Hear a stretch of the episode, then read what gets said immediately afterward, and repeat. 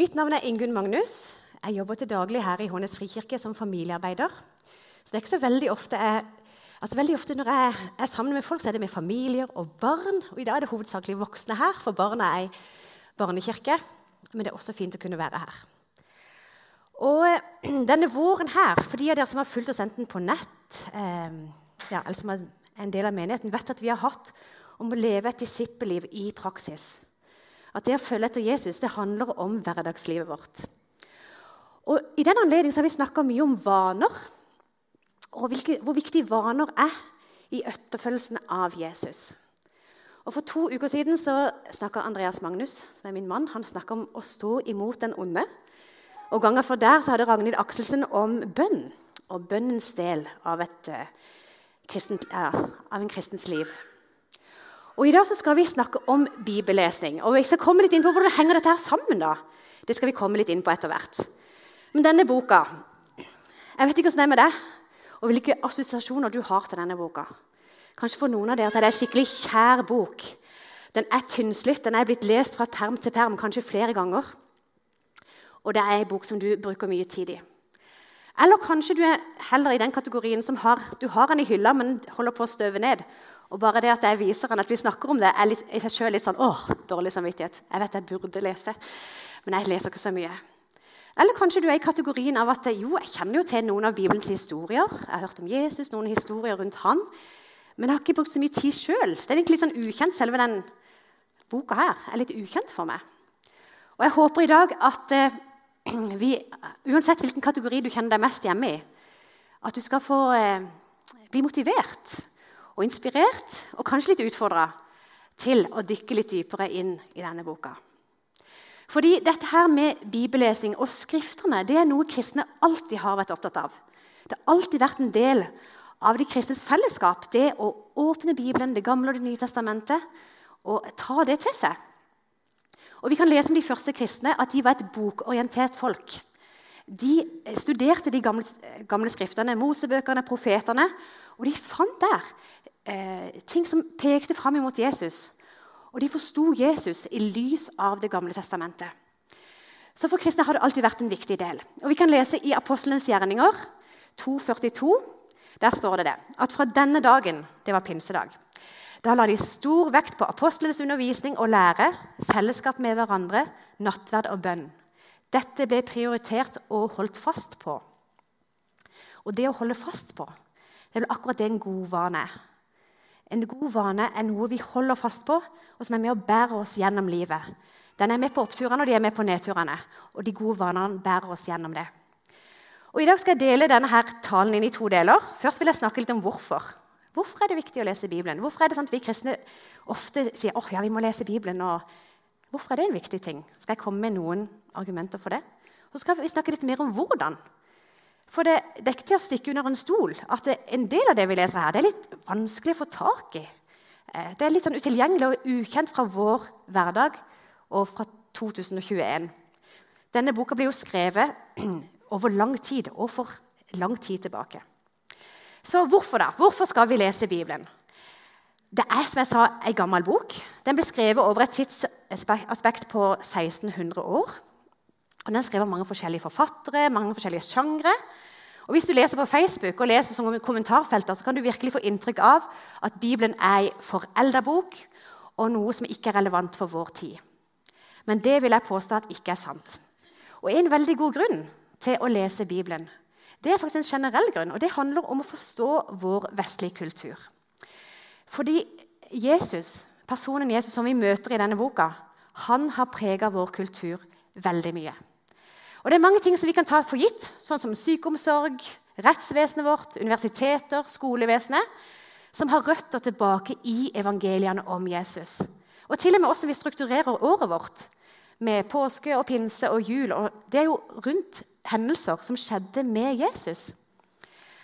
Og det i seg sjøl, og det å finne ut hvem er det Jesus var, hva var det han sto for, hva var det han sa, det vil hjelpe deg til å forstå hvorfor samfunnet vårt er som det er. Men så kan det skje når du leser om, om Jesus og hva han sa om seg sjøl. Så var det en del ting som kunne provosere og utfordre. Og det kan komme til å forandre hvordan du ser på deg sjøl, hvordan du ser på Gud og på livet. Og det kan jeg si, det har det gjort med meg. Så Grunn nummer én da, til å lese Bibelen det handler rett og slett om å forstå vår kultur. Eh, det, da er det viktig hva som står i denne boka. Men så er det jo sånn at for oss kristne så har vi også andre grunner, og kanskje bedre grunner, til å lese Bibelen. Og det handler om at Vi tror at det er mer enn bare historisk, et historisk verk. For det kan jo være som du kan lese den fra perm til perm og tenke ok, nå har jeg lest den, ferdig med det. Men hvorfor er det sånn at mange kristne leser igjen og igjen og kan gjerne være kanskje i det samme kapitlet over lang tid? Og liksom ta det til seg og drøvtygge på det. Og Det er fordi vi tror at det er Guds ord til oss. Gjennom denne boka her så åpenbarer Gud seg for oss, hans karakter, hvem han er. Og Det er primært her vi får kjennskap til hvem Gud er til hans kjærlighet, til hans gode vilje for oss. Og Det er også her vi finner svar på hvorfor er vi til egentlig? Hva er meningen med dette her livet? Og Jesus han blir malt for øynene våre i denne boka. Jesus sjøl sa i Matteus 4,4 at mennesket lever ikke av brød alene. Jeg vet ikke om dere er sånn som meg, men jeg elsker mat. Altså, å, Jeg kan skikkelig kose meg. Og Jeg må minst fire måltider om dagen, ellers blir jeg ikke en særlig god person å være rundt. Eh, men Jesus sa at vi lever ikke bare av fysisk mat, vi trenger det òg, men av hvert ord som kommer fra Guds munn. Så Guds ord er som mat. Det er noe vi trenger. Det er næring for oss. Og vi kan, Når vi leser Bibelen og leser hva Jesus sa, så virker det som at Jesus kunne ganske mye av Det gamle testamentet utenat. Det har vi stor grunn til å tro også at det var sant. Og jeg tror ikke han bare liksom downloader det fra himmelen, men han har nok pugga. Han har lært som alle andre eh, måtte. Og han, brukte, han, viser tilbake til Skriften. Når han diskuterer med fariserene, så bruker han ordet. Når han møtte djevelen som prøvde å friste han før han skulle begynne sin gjerning, så var, svarte han med Guds ord.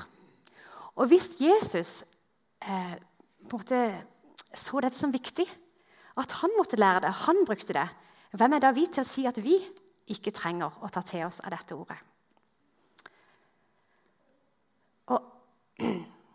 Grunn nummer, to, nei, grunn nummer, tre handler om det at jeg tror at for å bli bevart som kristne, så trenger vi å kjenne Jesus. Og da trenger Vi å kjenne, altså vi blir kjent med ham gjennom denne boka. Og Jeg var på et webinar for et par måneder siden med Nikki Gumber. Mange av dere vet kanskje hvem det er. Han var den som starta alfakurs i England for noen tiår siden. Og Gjennom alfakurset har kjempemange kommet til tro. Og Han sa at det som kjennetegner de som kommer til tro på et alfakurs, Eh, og som blir bevart, og som fortsetter å leve med Jesus og lar det påvirke livet sitt, det er de som får seg en vane av å lese Bibelen. Derfor introduserer de på alfakurs i England så introduserer de noe som kalles 'Bible in one year', hvor du leser gjennom, ordet, eller gjennom Bibelen på ett år. Eh, og de som begynner å gjøre det, de blir bevart. For det å, altså Ønsker du å kjenne Gud, ønsker du å leve for Han, så trenger en ordet. En vil ikke, vokse, vil ikke vokse eller modnes uten å få næring. Eh, og det fins ingen snarveier til å kjenne Gud. Jeg prøve å komme med et bilde som kanskje kan hjelpe oss til å forstå det enda bedre. For eksempel, hvis du har lyst til å komme i litt bedre form, så kanskje du bestemmer deg for at ok, jeg må ut og gå noen raske turer i uka. Og man eh, begynner å gjøre det, og en kjenner at blodpumpa den puster og peser litt, spesielt opp bakkene, og du har lyst til å gi opp, men du finner ut jeg kan jo ikke gi meg. Så du ber med deg en venn som kan puste og pese litt sammen med deg. Og dere går. Men etter hvert så blir det lettere. Etter hvert så merker du at det var enkelt å gå opp den bakken der. Og etter hvert så begynner du faktisk å jogge litt. til Og med. Og så møter jeg deg litt sånn, ja, noen måneder seinere. Og da har du begynt å snakke om at du kanskje skulle løpe sommerløpet denne sommeren. Det hadde jo vært gøy å prøve det. Og det var jo helt utenkelig for et halvt års tid tilbake. Så spør jeg deg da, men hva, hva er det som har skjedd? Hvordan har du kommet i så god form? Når var det dette skjedde? Og du bare Nei, eh, jeg vet ikke helt når det skjedde. Det bare skjedde litt sånn underveis. Det er vanskelig å si en dato. Og jeg tenker Litt det samme er det med å begynne å lese Bibelen, eller ta til seg dette ordet.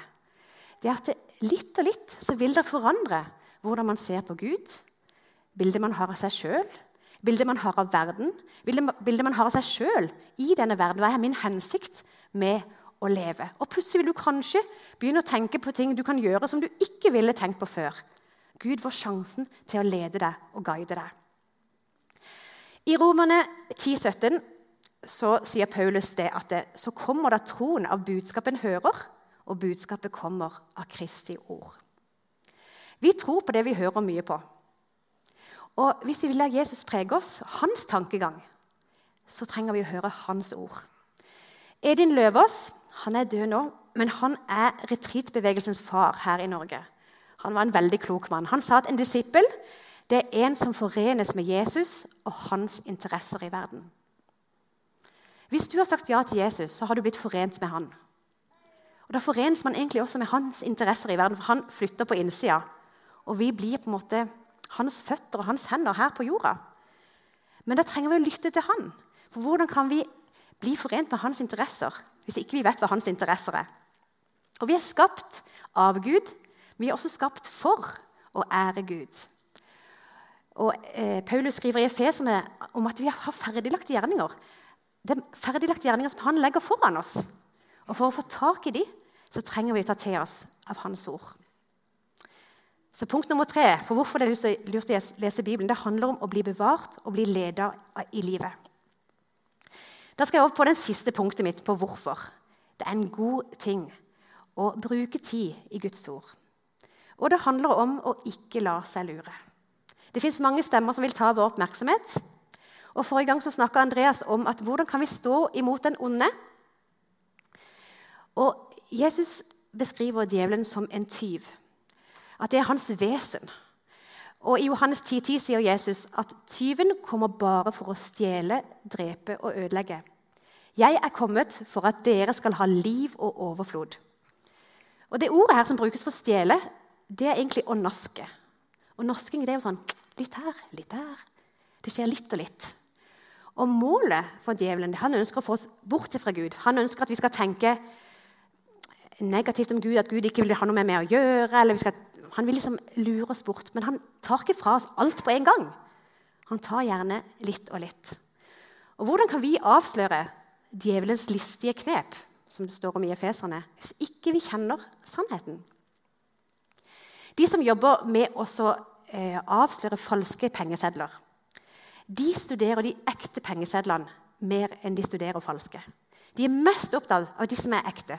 For når de vet hvordan en ekte pengeseddel ser ut, så klarer de ganske fort å avsløre de som er falske. Og jeg tror at For å finne Guds vei og finne sannheten, det som er ekte og sant og godt, så trenger vi Guds ord, sånn ikke djevelen kan la oss lure med falske greier.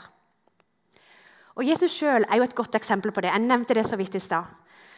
Når Jesus ble frista i ørkenen Det var før han begynte sin gjerning. Han var sulten, han hadde ikke spist på 40 dager. Han var trøtt, han var helt, altså på sitt laveste. Det som seiv ut av han, det var Guds ord. Det var det som på en måte ble skvisa ut av han når han var på sitt svakeste. Og jeg tror at hvis vi, Det er kanskje alltid at vi kjenner at det gir meg så mye å lese akkurat nå. Men hvis vi får det som en vane, så vil det holde oss gjennom de tøffe periodene når vi blir skvisa som mest. Så De fire gode grunnene for å ta til seg Guds ord det handler om at det er et grunnleggende og bærende dokument for vår vestlige kultur. Jesus er den mest innflytelsesrike personen som har levd. Og det å kjenne til han og hva han sa, det er noe alle kan ha utbytte av. Om man tror eller ikke. Og så var det sånn at Jesus han trengte Guds ord, og da trenger vi det også. Og så trenger vi det for å bli bevart, for det finnes så mange stemmer. Og vi får det jo rett inn på lomma hele tida. Men hva er det i livet vårt? Hva bruker vi tida på, vår, på som skaper liv, og som drar oss nærmere Gud? Og hva er det vi bruker tid på som drar oss bort ifra Gud? Og Det siste handler om at vi ønsker å la, å la oss lure. Og når vi kjenner eh, Guds gode tanke for oss, kjenner hans kjærlighet, så kan vi stå bedre i stand mot djevelens listige knep. Så Punkt nummer to handler litt mer om hvordan.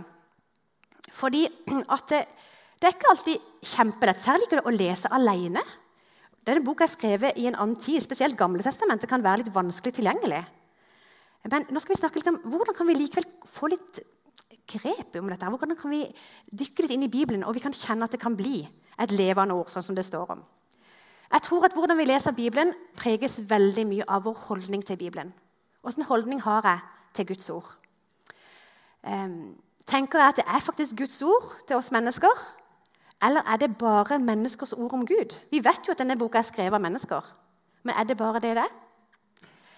Eh, for eh, hvordan man ser på den boka, det vil prege hvordan slags autoritet den har i livet ditt. Om det er noe du retter deg etter, eller om det er noe du tenker at ja, ja, det står der, men det bryr jeg meg kanskje ikke så mye om. Det tror jeg er viktig. Men så er det to fallgruver å falle i. Og Det ene handler om at eh, jeg kan lese alt som står her, som at det er direkte til meg. Eller at dette her liksom, det handler bare om meg. Um, og det er en felle å gå i, faktisk. For det er mer presist å si at det er ikke til det, men det er skrevet for det. Og Paulus skriver til Timoteus at dette er nyttig. Det er nyttig til opplæring, det er nyttig til den gode veien, til veiledning. Og vi, Bibelen kan lære oss noe. Og Det er viktig å forstå at Bibelen er skrevet i en kontekst. Brevene som, som, Paulus skrev, de var til menigheter som sto i visse situasjoner. Hvor, altså, de var i ulike kontekster. Og Det å forstå konteksten det kan virkelig hjelpe oss til å åpne Bibelen for oss. Og Da kan det være lurt å ha enten kjøpe seg en bibelkommentar. Det er mange kloke mennesker som har skrevet noe om, og som vet mye om hvilken kontekst Bibelen ble skrevet i. og det kan hjelpe oss. En annen ting som kan hjelpe, det er å følge en bibelleseplan. Og Jeg selv følger nå den her til Nikki Gumbel, 'Bible in one year'. og Der skriver han hver dag så leser man gjennom Gamletestamentet, Nytestamentet og en salme eller et ordspråk. Og så får man i tillegg en utlegging av den teksten. Og Det har hjulpet meg så mye, spesielt med Det gamle testamentet, som jeg synes har vært litt utilgjengelig og vanskelig å forstå. Det kan være en veldig god ting. Og så er det noe med bibelgrupper. Her i menigheten så ønsker vi at alle som ser dette som sin menighet, skal være med i en gruppe.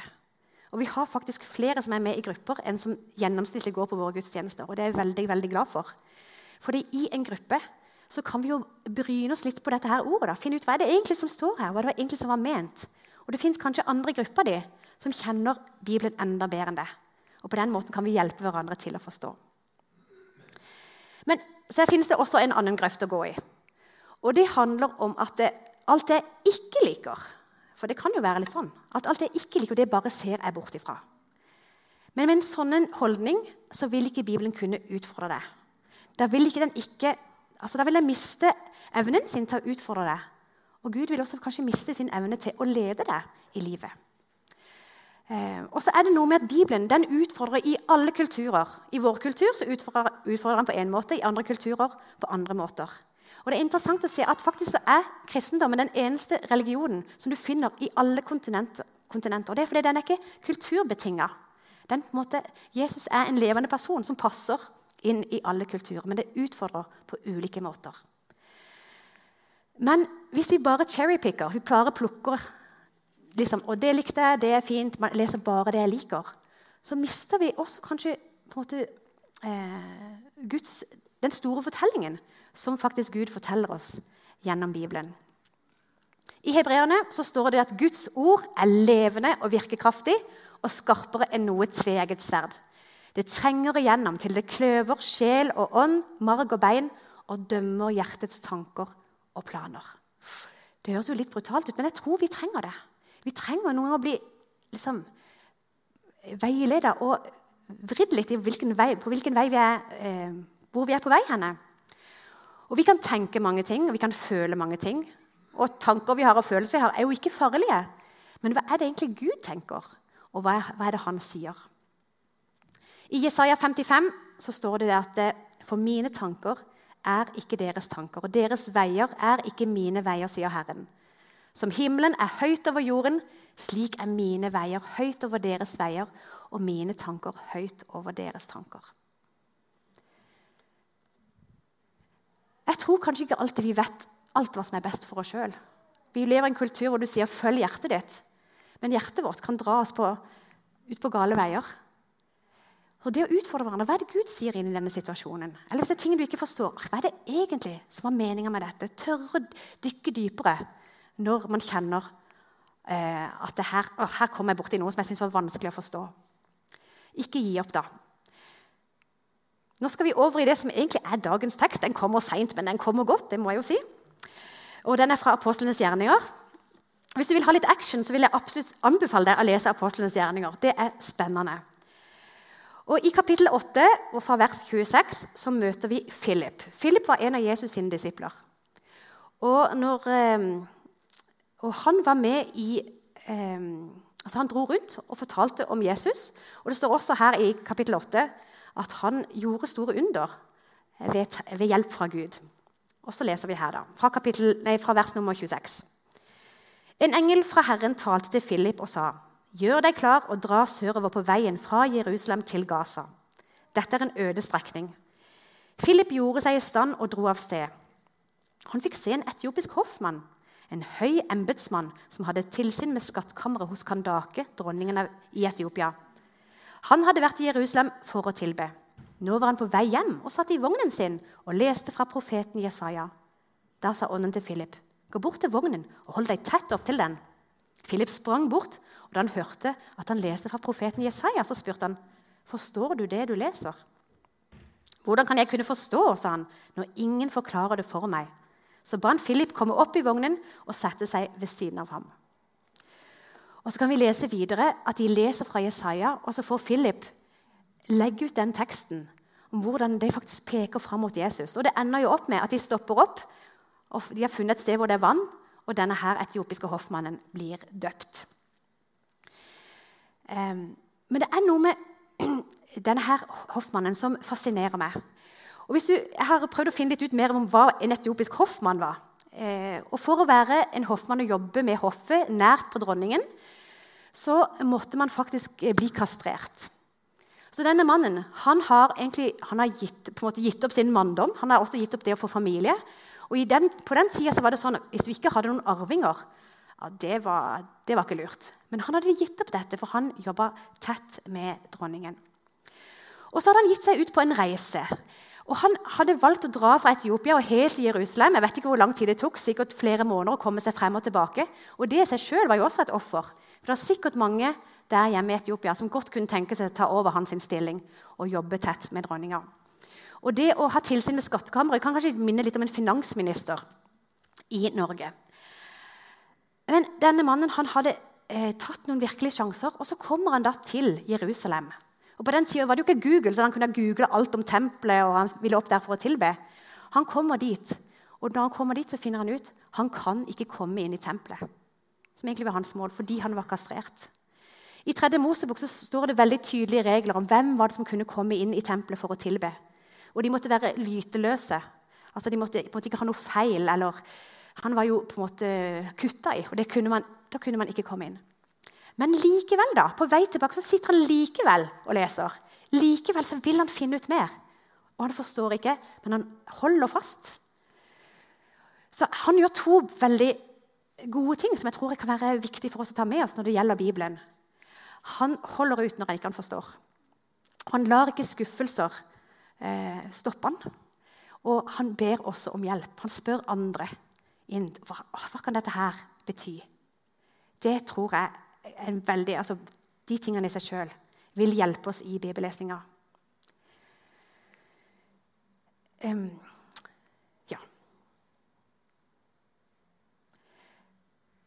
Og Nå kjenner vi jo ikke med hva som skjedde med denne mannen, her, men det er trolig det at han tok med seg budskapet tilbake og nok spredde det videre der hvor han kom. Nå skal jeg si litt om helt konkret, hvordan kan denne her boka bli litt mer levende i vår hverdag. For det er jo det vi ønsker, at den skal være som mat for oss. Og da eh, vil jeg slå et slag for det å memorere. Og I kirka nå denne måneden i mai så har vi hatt fokus på det med Bibelen. Hver søndag så legger vi ut et nytt uh, ukas bibelvers som vi ønsker at uh, dere der hjemme kan få lov til å pugge og øve på og tygge på og kjenne på hva det dette her betyr. Og det med å memorere, når en gjør det, så blir det på en måte en del av en. Da lever det i en, og det vil prege hvordan du tenker. Og Det å meditere det er jo en del av det samme. at Når man tenker over tygger på ordene, hva det dette egentlig betyr, så, det, så, blir det mer levende for oss. Og jeg tror også det, Hvis vi spør Gud før vi begynner å lese kan du vise meg noe i dag, Helligånd, vis meg dette her. Så ikke det bare blir noen ord jeg leser, men at det blir til liv, og at det viser meg Jesus. Så det å meditere og memorere det er en god ting. Og Noen ganger kan vi være litt sånn fristet til å bare lese mye veldig fort. jeg liksom har lest, check. Men jeg tror noen ganger kan det være lurt å bare holde seg, at du kan holde på med det samme sikkert i ei uke. For det er så innholdsmetta, mye av det som står her. Og hva er det det egentlig betyr? Grave og studere. Det er en inngangsport som kan åpne Bibelen for oss. Francis Chan han er en kjent forkynner. Han sier det at vi har nok mista den kunsten, kunsten, å meditere. Men hvis vi tar den litt tilbake, så kan vi bli mer rotfesta, og vi kan få uh, gå dypere med Gud. Og det sier jo seg selv, Når vi går dypere, som et tre, når det, røttene går dypere, så står vi også stødigere når stormene kommer. Så jeg å bare dele to bibelvers med dere som har vært mine bibelvers. Litt sånn av og på. Jeg tror vi går litt i faser, og det er helt lov. Men fra ordspråkene 3.3 det er et ord som jeg har tatt med meg, og som kommer sånn liksom som et, eh, ja, i perioder tygger masse på. Fordi det, så, eh, det, er veldig praktisk. Og det er 'gi aldri slipp på godhet og troskap'. Hvordan ser det ut i hverdagen å ikke gi slipp på godhet og troskap? Jeg kan lese det, men hva, hvis jeg virkelig tar det med meg inn i hverdagen, hva betyr det? Og For meg har det hjulpet meg til å være tro, kanskje i relasjoner eller i ting som jeg bare har lyst til å gi opp. Men jeg, så har jeg holdt fast på det, så har det hjulpet meg til å holde fast. Og så er jo godhet og trofasthet to av Guds karakterer. Gud er god, god, og han er trofast. Og Hvis jeg tror at han bor i meg, hvordan vil det da se ut i mitt liv når det får lov til å leve i meg? Et annet bibelvers som eh, har hjulpet vår familie Jeg har en mann og tre barn. Og Det er jo ikke alltid at det går sånn eh, veldig hyggelig for seg hjemme. Det er kanskje flere som kjenner igjen det. Og Da har Efeserne 4,32 vært til veldig god hjelp. Der står det Vær gode mot hverandre, vis medfølelse og tilgi hverandre, slik Gud har tilgitt dere i Kristus. Og Vi hadde det hengende på veggen nå er det noen andre bibler som henger der, men vi hadde det hengende på veggen en god stund. Og Det var fascinerende å se at når det, mellom barna når de begynte å hakke på hverandre, og sånn, så sa du hva er det som står på veggen der? Så de bare, å ja, å ja, Det var jo det vi skulle. ikke sant? Det hjelper oss i det praktiske livet når vi begynner å anvende det. Og Det samme med tilgivelse. Jeg syns noen ganger det er vanskelig å tilgi. Jeg har liksom lyst til bare, ah, jeg kjenner jeg har liksom rett på å være litt arg og litt sur på noen, for jeg føler meg dårlig behandla. Da har dette bibelverset hjulpet meg til at sånn som Jesus har tilgitt meg Han har faktisk tilgitt meg alt. Og Pga. det så kan jeg tilgi andre. Og det har også vært en veldig god hjelp. Og Dette går over i det neste punktet mitt om å anvende det i livet. For det er akkurat det det handler om. Eh, hvordan er det Bibelen, det ordet? Hvordan preger det tankene mine, hodet mitt? Hvordan preger det hjertet mitt, mine lengsler og ønsker? Hvordan preger det hendene mine, hva jeg gjør, og hvordan jeg tjener? Og I Jakobs brev kan vi lese at, eh, at, du, at troen vår faktisk er død uten gjerninger. Og Det kan føles litt sånn ok, hvis du bare gjør sånn og sånn, og sånn, og sånn, så er du en god kristen. Men det er ikke det det handler om. Det handler om at Når vi har tatt imot Jesus, så begynner han å leve i oss. Og da får troen utspill i hvordan jeg tenker, hva mine lengsler er, og hvordan jeg handler. Så nå har vi snakka om at vi kan meditere, vi kan anvende det i livet vårt. Og vi kan også bruke det i bønn. Det er ganske mange ganger at du kan lese ting som utfordrer deg. Da kan det være lurt å bare ta noen sekunder og be. Gud, la meg vokse i dette. Vis meg hva du vil. Hva betyr dette? Eller hvis det står noe om å ære Gud, la meg være til ære for deg. Bruke, bruke Bibelen når du ber. Og jeg vil komme med et eksempel der også. Min eldste sønn, som nå er 14 år, han hadde en del vonde drømmer og mareritt da han var liten.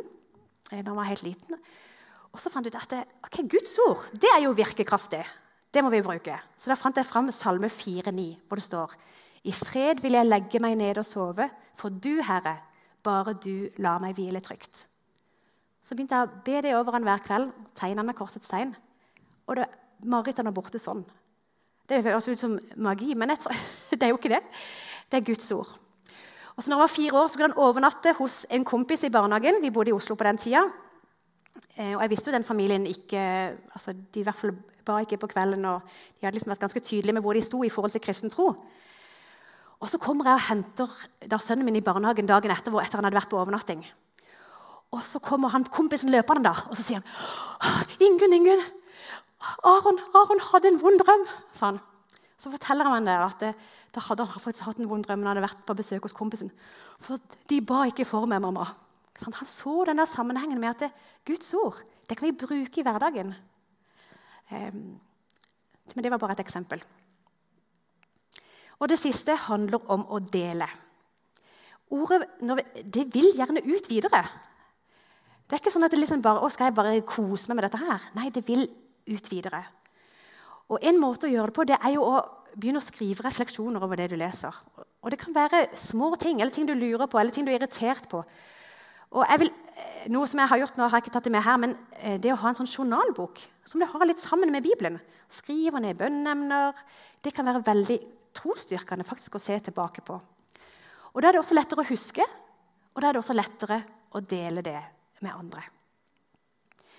I 5. Mosebok, eh, i kapittel 6, vers 4-9, der kan vi lese den eh, jødene sin trosbekjennelse. Og den er sånn som dette her. Hør, Israel. Herren, vår, Herren er vår Gud. Herren er én. Og du skal elske Herren din Gud av hele ditt hjerte og av hele din sjel og av all din makt. Jeg mener, Nå har vi fått noe å tygge på for resten av uka. Bare den her. Hva betyr det å elske Herren din Gud av hele hjertet, av hele sjelen min, av all min makt? Men så står det videre. Disse ordene som jeg byr deg i dag, skal du gjemme i ditt hjerte. Du skal innprente dem i dine barn. Du skal tale om dem når du sitter i ditt hus, når du går på veien, når du legger deg, når du står opp. Du skal binde dem som et tegn på din hånd. De skal være som en minneseddel på din panne. Du skal skrive dem på dørstolpene, dine, på de, eh, dørstolpene i ditt hus og på dine porter. Jeg tror vi har mye å lære. Dette er jo sykt praktisk. Det handler om Hva er det vi snakker om når vi ikke er ute og kjører bil?